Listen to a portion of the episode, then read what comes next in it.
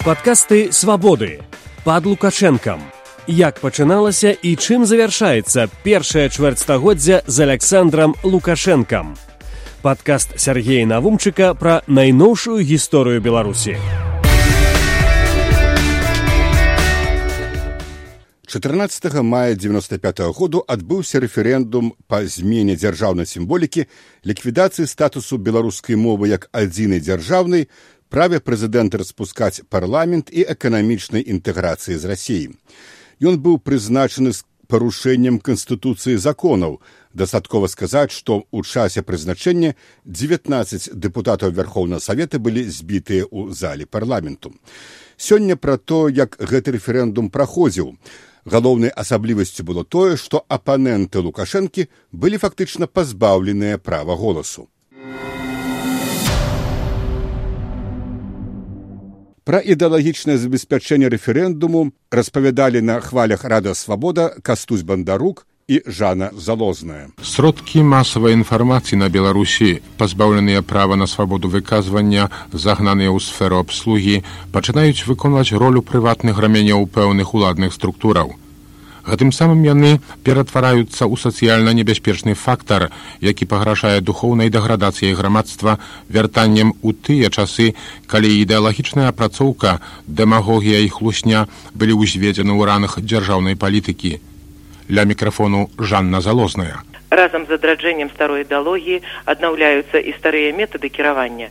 І вось ужо радыё і тэлеэфір служыць не дзеля выказвання розных думак меркаванняў волевыяўлення народу а сродкам фарміравання грамадскай думкі у адным пракамуністычным і прарасійскім накірунку. Не перавяліся ў нас і творцы шэдэўраў эпісталярнага жанру з-пад іх пяра і выйшаў дакумент пад назвай план мерапрыемстваў па забеспячэнню правядзення рэферэндуму 14 травеня 95 -го года з планам гэтым азнаёмлены кіраўнікі рэдакцыйных калектываў журналісты дзяржаўнага радыё і тэлебачання дакладна акрэслены і мэты цытую першае сфарміраваць у насельніцтва рэспублікі беларусь жаданне прыняць удзел у рэферэндуме другое. Жаданне прагаласаваць за па прапанаваных пытаннях рэферэндуму для маладзёжнага радыё рэкамендацыі наступныя арганізоўваць канцэрты под назвамі назвы цытую на мове арыгіналу оба языка нам дорагі музыканты за двуязычие. Мы паём на двух языках кароткія выступленні за рэферэндум неабходна ўключаць паміж музычнымі нумарамі. Вось цікава на якой мове маладым музыкантам спяваць нацыянальны гімн. Відаць на дзвюх дзяржаўных мовах а можа адразу на расійскай. А вось што рэкамендуецца рабіць па другой праграме рэспубліканскага радыё. Рыхтаваць цыклавыя перадачы з філолагамі і гісторыкамі под назвай радной ли беларусу рускі язык а таксама перадача на тэмы все мы из славянской колыбели, на каком языке говорил Скорина. Зноў цытую. Кантроль за зместам падрыхтаваных радыёперадач здзяйсняецца ядранцавым невялікая даведка владимир ядранцаў намеснік старшыні белтэле радыёкампаніі дзеля забеспячэння паспяховага выканання прапанаваных мерапрыемстваў мэтазгодна на перыяд правядзення кампаніі сфарміраваць пастаянную каманду выступаючых і далей спіс з 25 чалавек, а сярод іх назову толькі некаторых Миколай Сергеяў, старшыня славянскага сабора Белая Русь, Юрый Дудзінаў, кіраўнік прэс-службы славянскага сабора Белая Русь, Тацяна Пекунова, камітэт за свабодны выбар мовы вывучання, небезвядомы доктар філасофскіх навук Валентин Акулаў. І яшчэ адна рэкамендацыя. Зноў цытую. У групу выступаючых мэтазгодна ўключыць вядомых дзеячоў культуры, якія раней выказваліся станоўча па пытанню пытаннях аб'яднання з расійскай федэрацыі і двух моўю. У тыя дні адзін з каментатараў радыёвабода адзначаў, што асноўная мэта дзяржаўнай прапаганды гэта цытую ажывіць прасавецкія сантыменты і адкінуць усё здабытыя за гады незалежнасці. Асабліва гэта выявілася ў дні святкавання 50годдзя перамогі над фашызмам. Пры гэтым асноўна, як гаворыцца фокус групай былі ветэраны. У вярхоўным савеце 30 дэпутатаў ветэранаў складалі самую пракамуністычную, праімперскую, антынезалежніцкую антыбеларускую сілу. І гэтая група, на мой погляд, адыграла чорную ролю ў найноўшай беларускай гісторыі. Святкаванне дня перамогі ўлады правялі пад савецкімі чырвонымі сцягамі, практычна не выкарыстоўваючы дзяржаўныя бел-чырвона-белыя. Адбывалася рэанімацыя савецкай камуністычнай ідэалогіі. Менавіта гэтак прайшлі ўрачыстасці ў горадні, пра што распавядаў на хвалях рада свабода Сергей Астравец. У горадзе адбыліся два урачыстыя сходы, асобна гарадскі і абласны.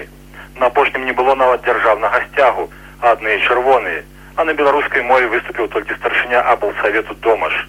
Карацей сход нагадваў старыя часы існавання ССР. Пра тое, як адзначалі дзень перамогі ў Менску, што гаварыў Александр Лукашенко і якія рэпартажы гучалі па дзяржаўных тэлебачання і радыё, з Менску перадавала Галіна Айзенштадт. Александр Лукашенко гаварыў пра тое, што дзень перамогі займае асаблівае месца ў шэрагу дзяржаўных і нацыянальных святаў. Прэзідэнт зазначыў, што для адных мінулая вайна, другая сусветная. Для нас жа яна была і будзе вялікай айчынай. Цэлы дзень па тэлебачанню даецца мікрафон ветэранам, якія толькі і гавораць, наколькі моцным было маральна-палітычнае адзінства савецкага народа ў гады вайны і савецкі патрыятызм і трэба ўсё гэта вярнуць. А адзін заўважыў, што вайну усе мы незалежна ад нацыянальнасці былі расіянамі і неабходна не забываць аб гэтым. Шэсці ветэранаў по праспекту скарыны да плошчы перамогі таксама прайшло па чырвонымі сцяганамі партрэтамі леніна і сталіна. Такім чынам савецкая сімволіка мадыфікаваны варыянт якой хацеў весці лукашенко ў якасці дзяржаўнай партрэты леніна і сталіна адначасна міліцыя не дазваляла моладзі выкарыстоўваць бел-чырвона-белы сцяг на той момант яшчэ дзяржаўны Пра гэта распавядаў слухачам свабоды Эдвард Тарлецкі. Дзяржаўныя сцягі можна было лёгка пералічыць хіба каля пяці. Чырвона-зялёныя штандары і партрэты Ленінды Сталіна пераважалі над натоўпам. Роўныя шэрагі людзей скіроўваюцца да пляцу перамогі на чале прэзідэнт чырвоным бантам. Да яго распораз падбегаюць дзеці, ён бярэ іх на рукі і моцна сціскае ў абдымках. Гаспадар абрамович старшыня цэнтр выбаркаму напярэдадні свята назваў лічбу ля дзевяці мільёнаў даляраў пайшло на святкаванні дзесьці ля падыходу да пляцу перамогі акурат ля дзяржаўнага цырку моладзь з беларускімі сцягамі далікатна да гонару міліцыі выводзяць с натоўпу Віктор Алампію депутат верховна савет становіцца вельмі сумна вот зараз мы стаім невялічкую групу беларускай моладзі якая прыйшла под э, государственными сцягами перекрывае отрад ну можа тут их всіх полічыць три шарэнги э, работников унутраных справ тоже в беларускай форме тоже с беларускімі сімвалами на жаль люди этой беларусі прожили можно сказать 50 год э, задарма не осознав сябе людзьмі свабоднай незалежнай беларусі і зусім выпадковая жанчына позор для беларусі что дзяржаўныя сцягі не пускаюць на плошчаць людзі есть першага і другога сорта. Першага з чырвоным сцягам а за другого з бел чырвоным сцягам на беларусі свята закончыцца яшчэ адным салютам але без адчування супакою і еднасці у еўропе што перамагла 50 гадоў таму пакуль ёсць тыя што выкарыстоўваюць святыя пачуцці людзей. І ці прыйдзе гэтая еднасць пакуль десятгадовы андрей упэўнены што ён ведае праўду. На маніфестацыі андрей ледзь утрымліваў у руках зялёна-чырвоны сцяг сярпом і молатам. Этот не бер бел чырвона-белы сцяг ну под якім паліцаі напрыклад вось э, спалілі вёску хатынь. А гэта настоящий сцяг беларускай рэспублікі а тут тебе рассказываю про тое что паліцаі спалілі вёску хаты не подпел чырвона-белымі сцягамі ну і ў кніжках чытаў і так слышу кто тебе беларуску так добра навучыў гаварыць ну ніхто я сам беларус так ведаю мову. Гэтаму хлопчыку алексею цяпер 34 гады цікава як склаўся ягоны лёс. І цікава калі ў яго ёсць дзеці ці ведаюць яны сёння праз больш як двадцать гадоў пасля рэферэндуму беларускую мову. 9 траўня 95 -го году улады адзначылі дзень перамогі рэанімуючы ностальгічныя пачуцці людзей старэйшага пакалення у мэтах прываблівання іх на ўчасткі ў дзень рэферэндуму за змену дзяржаўнай нацыянальнай сімволікі на мадыфікаваную савецкую. Аднак святкаванне ў савецкім стылі было толькі часткай прапагандысцкай кампаніі супраць нацыянальных сімбаляў, супраць беларускай мовы і, як назваў яго Васіль быку палітычнага авангарду дэмакратычнай часткі грамадства беларускага народнага фронту.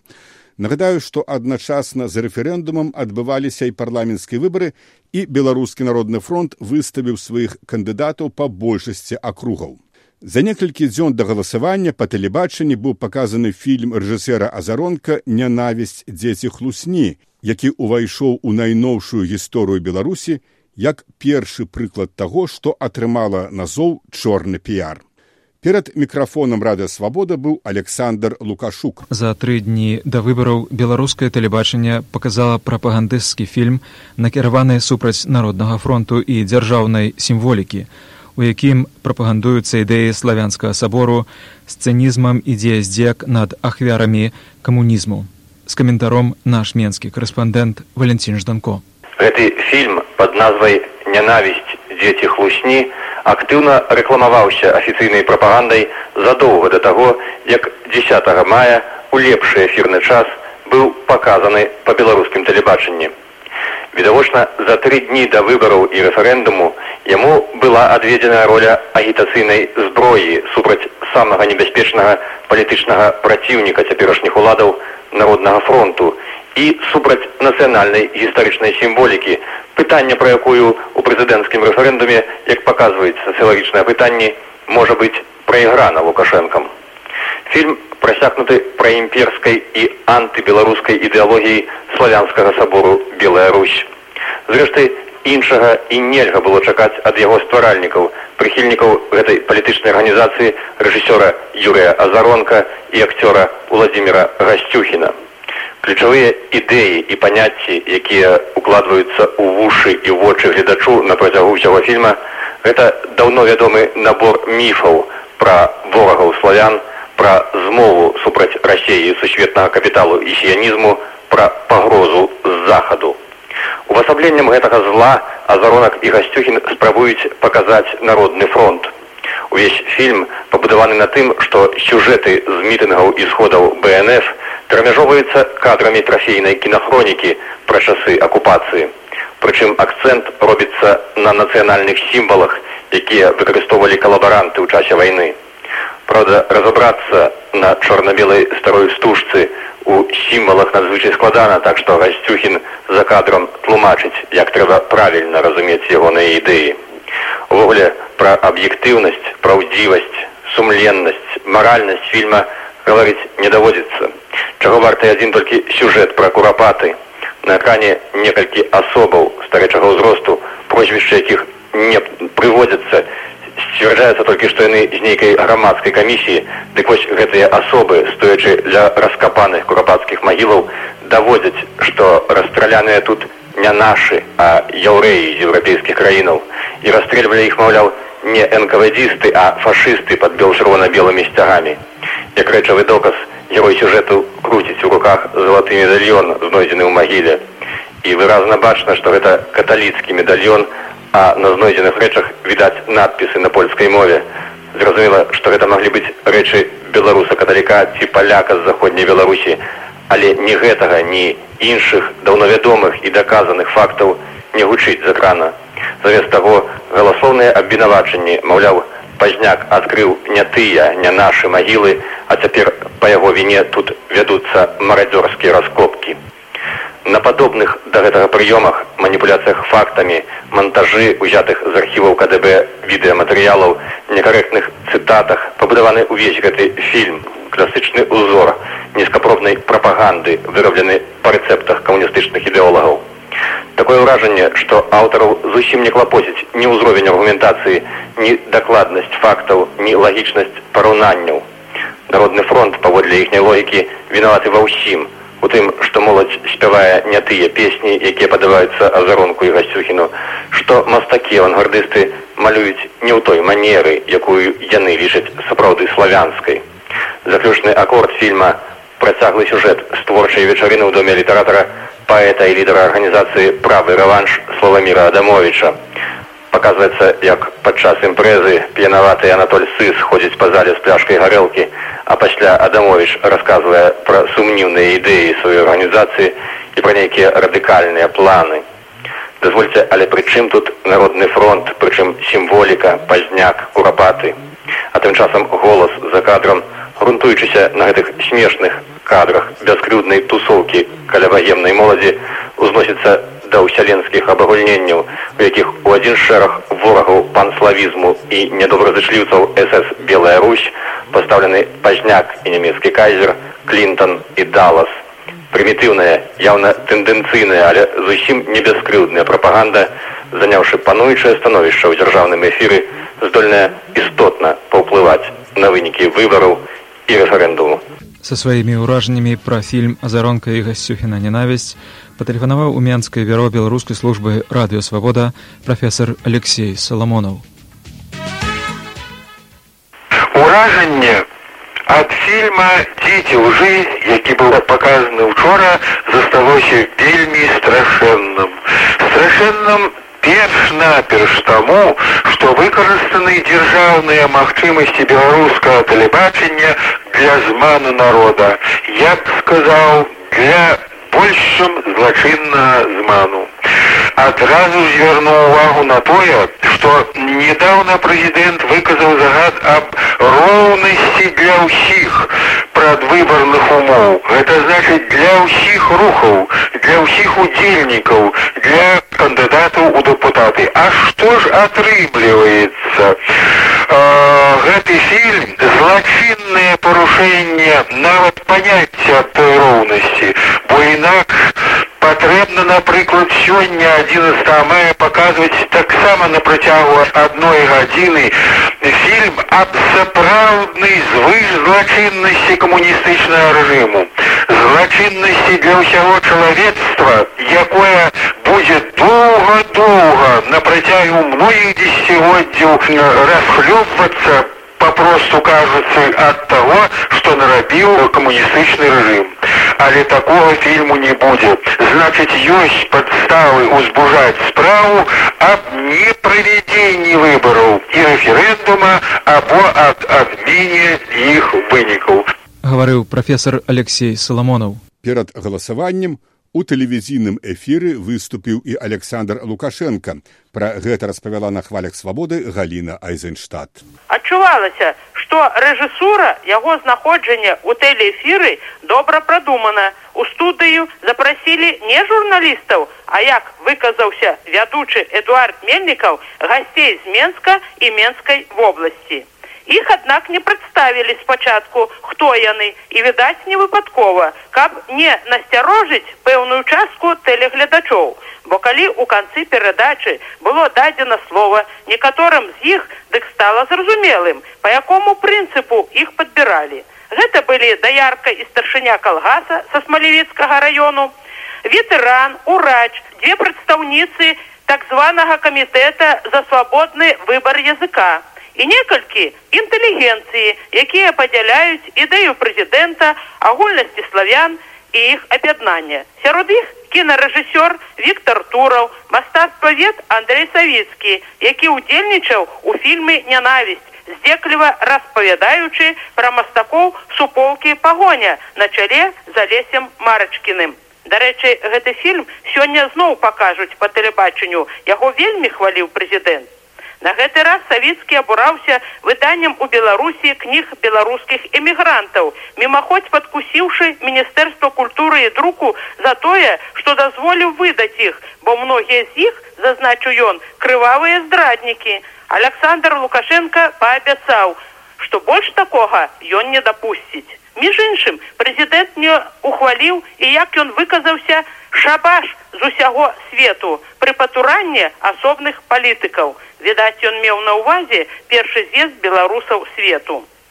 Яшчэ адной адметнай рысай учарашняга тэлемерапрыемства з удзелам александра лукашэнкі было ўключэнне абласных студый Віцебчане і магіляўчане асабліва пастараліся дагадзіць прэзідэнту. Вядучы з Віцебска гаварыў аб традыцыйнай дружбе з рассеяй, мяжа з якой у віцеблян найдаўжэйшая аб неабходнасці знішчыць бар'еры, якія перашкаджаюць ёй. Аб тым жа і магілёўскі пра мсціслаўскі раён, паказаўшы фільм з адной вёскі, якая некалі была расійскай, а потым папрасілася ў Беларусь як дружна жывуць рускія і беларусы як ухваляюць палітыку лукашэнкі. Прэзідэнт застаўся вельмі задаволены гэтым і падзякаваў ім. Аднак непрыемных пытанняў яму не ўдалося пазбегнуць. У лукашэнкі цікавіліся напрыклад пытанне было з брэсту ці трэба марнаваць сродкі на рэферэндум мяняць назву вуліцы сцягоў калі студэнтам не выплочваюць стыпендыю але найбольш непрыемная задала дырэктар гомельскай сярэдняй школы татяна цыганок что подразумевае прэзідэнт под статусам роўнасці рускай мовы з беларускай бо ёсць жа закон аб дзяржаўнасці беларускай мовы яна была адной з нямногіх хто гаварыў з прэзідэнтам по-беларуску а старшыня гарсавецкай камісіі па адукацыі згродна з'едліва спыталася ў прэзідэнта чаму ён уводзіць двухмове а не трох чатырох бо ёжа прынамсі у іх вобласці і шмат палякаў і украінцаў лукашенко на гэта адказаў тое ж што і заўсёды. Няхай вырашае народ да якога ён увесь час звяртаўся з просьбай падтрымаць яго і ухваліць усе чатыры пункты рэферэндуму ён паведаміў таксама што хутка ў Менск прыедуць сабчак і лужкоў, каб заключыць дагаворы з Беларусю. Наеліся польскай бульбы, з'едліва заўважыў Лукашенко, але галоўную мэту схіліць на свой бок людзей, каб яны падтрымалі рэферэндум, ён не забываў, нават робячы адступленне, як і пастаянна крытыкаваць БНФ. Некалькі нязручных для лукашэнкі пытанняў у часе прамога эфіру бадай што адзіная супярэчная ягонай пазіцыі што прагучала ў тыя перадрэферэндумныя дні ў эфіры дзяржаўнага тэлебачання. На дзяржаўным тэлебачанні радыё у дзяржаўных газетах была усталяваная надзвычай жорсткая цэнзура. У выступах кандыдатаў дэпутата ад БНФ і іншых дэмакратычных арганізацый выразаліся ўсе выказванні на карысць пагоні і бел чырвона-белага сцяга за беларускую мову як адзіна дзяржаўную што дарэчы было наўпроставым парушэннем закона аб рэферэндуме які прадугледжваў роўныя магчымасці агітацыі за і супраць.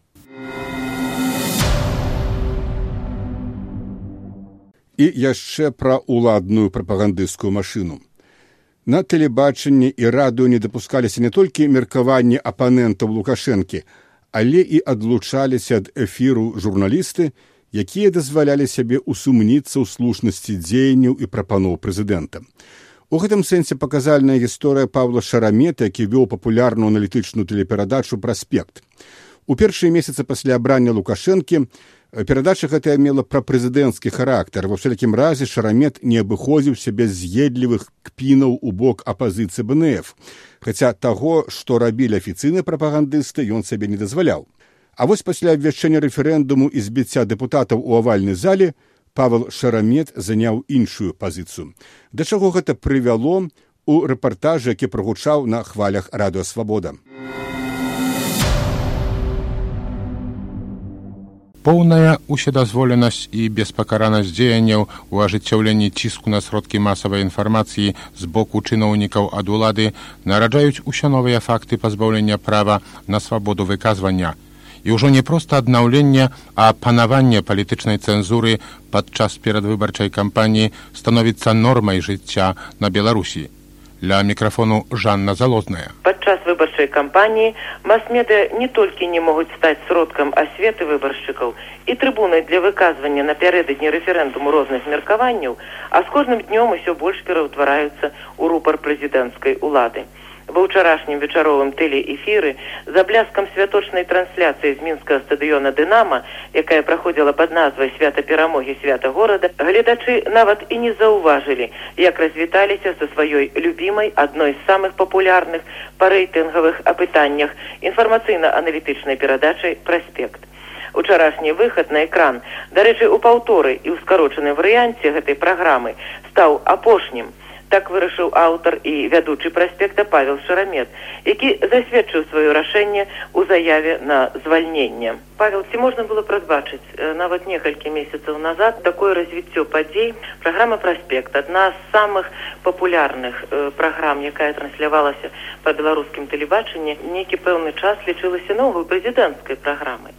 Вось. і тое што сёння адбываецца як это ўсё суаднесці як это ўсё прааналізаваць?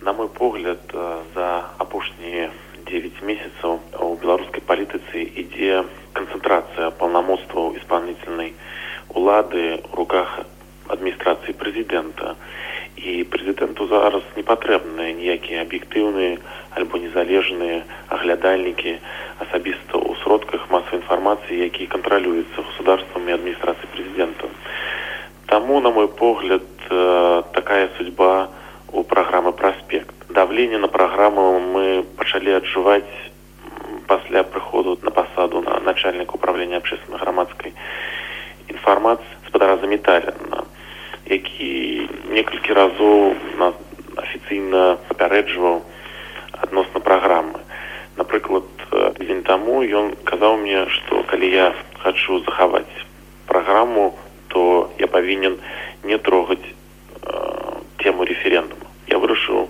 што калі у краіне няма нармальнай палітыцы то і не павінна быць ніякіх нармальных тэлевізійных праграмах палітыцы каб не рабіць двойную рэальнасць і не іскаць сэнс там дзе яго на самай справе няма у апошняй перадачы праспект гаварылася пра тое што змена сімволікі не надасць нашай краіне павагі і аўтарытэту ў вачах міжнароднай супольнасці пасля выступлення геральдзіста навукоўца цітова пра карані нацыянальнай сімволікі вядучаму належалі словы што на жаль дзень перамогі не стане днём агульнанацыянальнага прымірэння. Тое што учора убачылі на экране тэлегледачы было ускарочаным і адмантажаваным пад пільным вокам кіраўнікоў выглядзе. Павел што больш за ўсё раздражніла ў гэтай апошняй перадачы кіраўнікоў? Частка і была выразана частка пра сімволіку бела-чырвона белы сцяг і пра пагоню. Калі я разважаў наконт таго колькі грошаў трэба будзе патраціць каб змяніць усю сімволіку што трэба будзе знішчыць грошы з нейкія былі друкаваны прыкепічы знаходзяцца ў нацыянальным банке трэба будзе знішчыць новыя парта печаці штампы нават там гузікі на мундзірах міліцыянтаў. Вось гэта часткай найбольш раздразніла тех хто вырашыў скараціць праграму. Дзяржаўныя органы ўлады уводзячы манаполію на ісціну па сутнасці дэманструюць жаданне падпарадкаваць сабе грамадскую думку. Перад рэферэндумам мы дэпутаты апазіцыі бнф зрабілі апошнюю спробу прабіцца ў тэлевізійны эфір пра што і распавялі на прэсавай канферэнцыі. Рэпартаж з прэсавай канферэнцыі на хвалях свабоды вёў алесь хмяльніцкі. Першым слова ўзяў зянон пазняк ён сказаў што на беларусі зусім не відаць што краіна рыхтуецца да выбараў а многія нават проста не ведаюць што яны наогул адбудуцца. Больш таго нават участковыя выбарчыя камісіі не інфармаваныя якія кандыдаты праходзяць па іх акрузе. Далей зянон пазняк паведаміў што на сойме бнф быў зроблены аналіз перадвыбарчай сітуацыі. Сойм прыйшоў да высновы што уладамі робіцца ўсё каб сарваць выбары каб выбары не адбыліся. Хаця выклікае здзіўлення пэўная супярэчнасць такіх дзеянняў паколькі улады выступаюць за тое каб адбыўся рэферэндум. Нас непакоіць што парушаюцца правы чалавека што парушаюцца законныя правы грамадзян і на агітацыю і на інфармацыю аб выбарах і нас непакоіць што ўсё гэта сведчанне адной палітыкі накіраванай на стварэнне аўтарытарнага дыктатарскага рэжыма на беларусі. Якія ж гэта роўныя магчымасці калі выканаўчая ўлада адхіліла ад удзелу у сродках масавай інфармацыі альтэрнатыўную палітычную сілу народны фронт якія ж гэта роўныя магчымасці калі выканаўчая ўлада выкарыстоўвае радыётэлебачанне для прапаганды сваей палітычнай пазіцыі і для ўздзеяння на выбаршчыкаў. Далей слова ўзяў Сергей Навумчык, які звярнуў увагу на заангажаванае асвятленне беларускімі сродкамі масавай інфармацыі перад выбарчай барацьбы і паведаміў пра звароты да старшыні беларускай нацыянальнай дзяржаўнай тэлерадыёкампаніі рыгора кіселя сутнасць у тым што э, народны фронт як палітычная сіла не мае магчымасці выказаць сваю пазіцыю і па пытаннях якія выносяцца на рэферэндум і э, мы не маем магчымасці абвергнуць тую дэзінфармацыю пра беларускі народны фронт якая ідзе і з вуснаў найперш прэзідэнта і з вуснаў некаторых э, недобрасумленных каментатараў э, у дзяржаўных сродках масы інфармацыі. У адпаведнасці з законам аб выбарах депутатаў верховного совета і законам аб всенародным галасаванні рэферэндуме депутаты пазняк баршэўскі навумчык звярнуліся з просьбай да старшыні нацыянальной рада кампаніі кіселя прадаставіць групе депутатаў апозіцыі бнф у колькасці 5 чалавек 45 хвілінаў прамога тэлевізійнага эфіру ў суботу 13 мая 95 -го года Суем партыі БНФ прыняў ухвалу рэферэндум падман народу, у якой дадзена ацэнка рэферэндуму гаворыцца аб парушэнні законаў і канстытуцыі, аб маніпуляцыі грамадскай свядомасцю, аб расколе грамадства, аб матэрыяльных стратах, якія панясе Беларусь у яго выніку.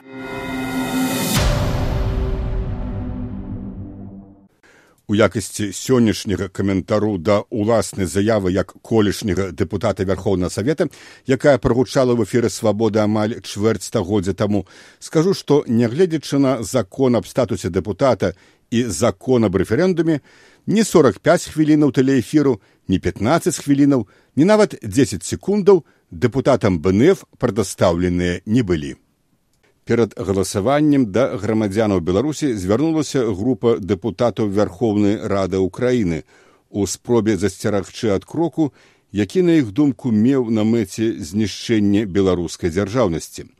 Пра гэта на хвалях свабоды распавядала галіна прыгара. Як стала вядома агенству павет дзевяць дэпутатаў украінскага парламенту сярод якіх вячеслав чарнавіл дмітро паўлічка иван драч і алесь ганчар прынялі зварот да грамадзян незалежнай беларусі.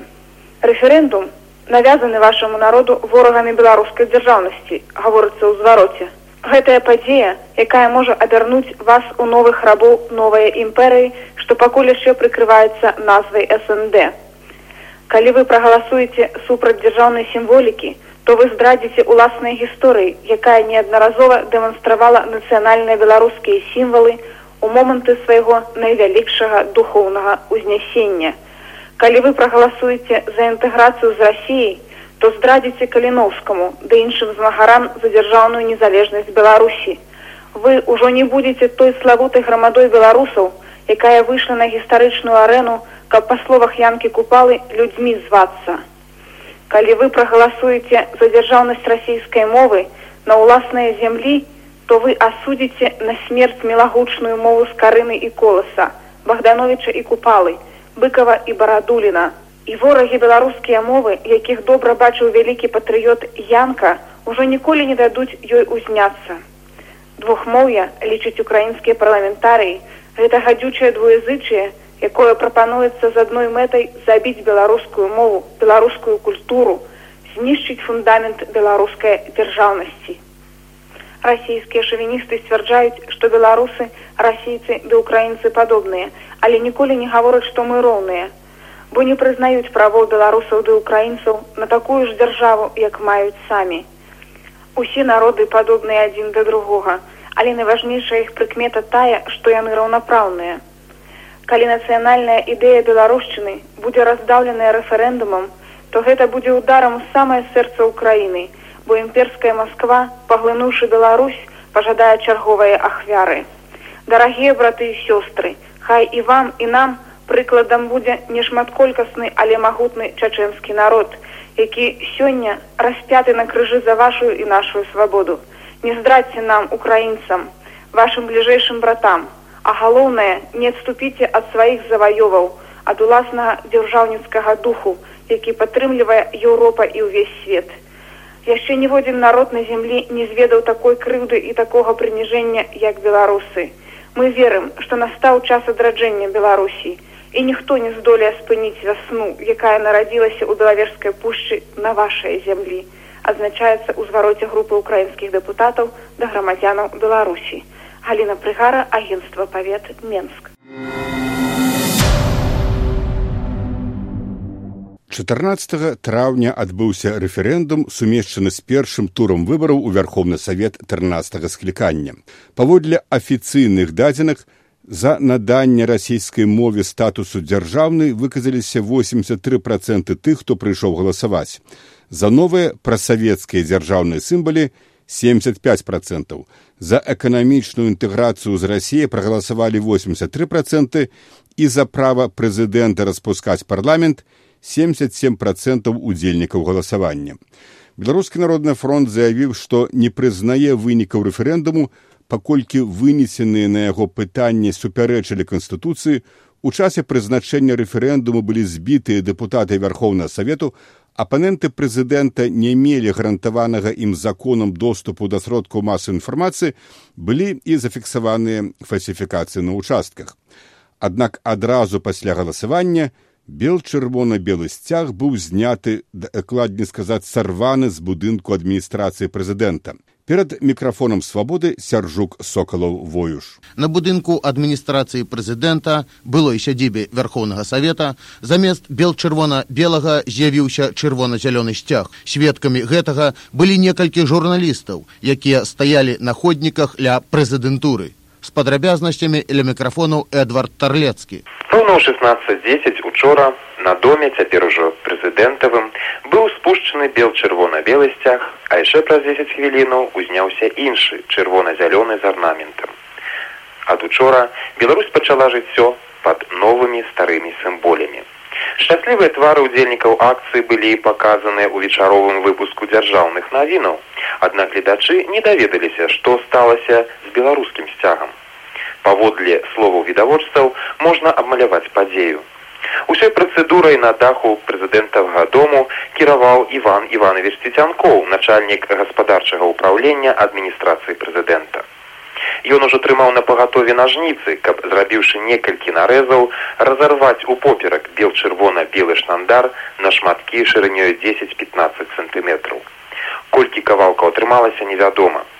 Супрацоўнікі адміністрацыі і рабочыя атрымалі шматкі ў якасці сувенераў з подпісам самого Івана Івановича Цянкова з датою 16.05.95 і часам 16.00. Беларусь не першая краіна, якая мяняе сваю сімволіку. Гістарычныя паралелі на гэтую тэму у каментары нашага менскага карэспандэнта Валянціна Жданко. У гісторыі апошніх дзесяцігоддзяў змена сімвалаў праводзілася пераважна ў краінах афрыканскага кантыненту і паўднёва-ўсходняй Азіі. Для прыкладу у 80-е 90-е гады новыя сцягі ўзняліся ў Зімбабве, былой паўднёвай радэзіі намібіі і паўднёва-афрыканскай рэспубліцы еўрапейскія краіны сваіх гістарычных сімвалаў не мянялі і не мяняюць. Рэдкае выключэнне нацысцкая нямметчына тридцатых сорокавых гадоў але прыдуманы фашыстамі чырвоны сцяг з чорнай свастыкай кануў нябыт разам з адольфам гітлерам а нямецкі народ уз'яднаўся пад сваімі гістарычнымі сімваламі чорна-чырвона-жоўтым сцягам і гербам у выглядзе чорнага арла на залатым полі Працэдура змены сцягу ў Менску над рэзідэнцыяй прэзідэнта па сутнасці галоўнага сцягу краіны была вартая гісторыі стварэння і зацвярджэння гэтага сімвалу. Некалькі рабочых у брудных спяцоўках узабраліся на дах будынку адміністрацыі і паднялі гэты сцяг. На працягу стагоддзя над Менскам лунала шмат сцягоў.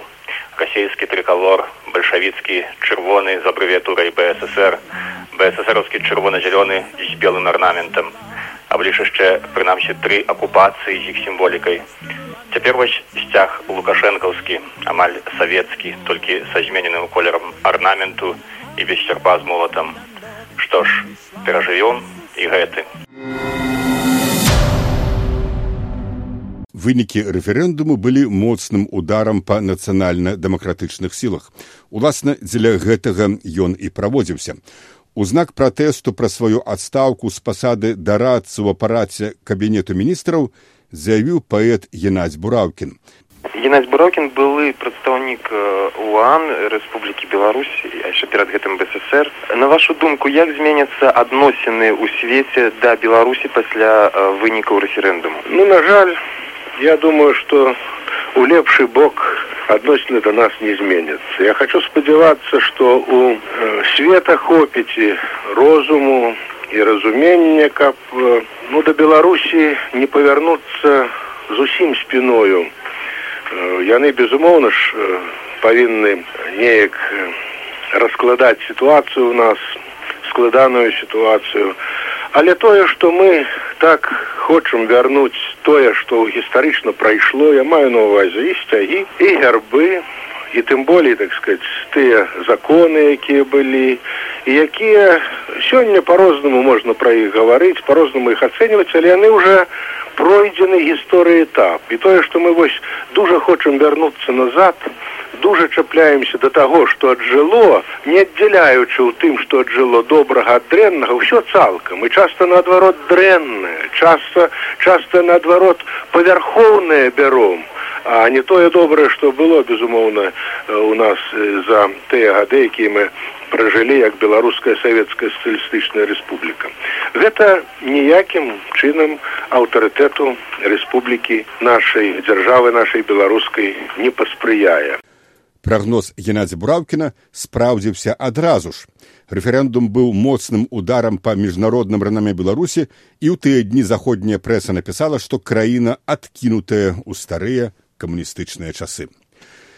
Я ж цяпер нагадаю словы былога члена канстытуцыйнага суду доктара юрыдычных навук прафесара Михаила Пастухова. Ён зазначыў, што адно толькі збіццё дэпутатаў парламенту ў часе прызначэння рэферэндуму робіць вынікі гэтага рэферэндуму юрыдычна нікчэмнымі. Падкасты свабоды пад лукашэнкам. Як пачыналася і чым завяршаецца першае чвэрцьстагоддзя з Александром Лукашэнкам. Падкаст Сергея Навумчыка пра найноўшую гісторыю Беларусі.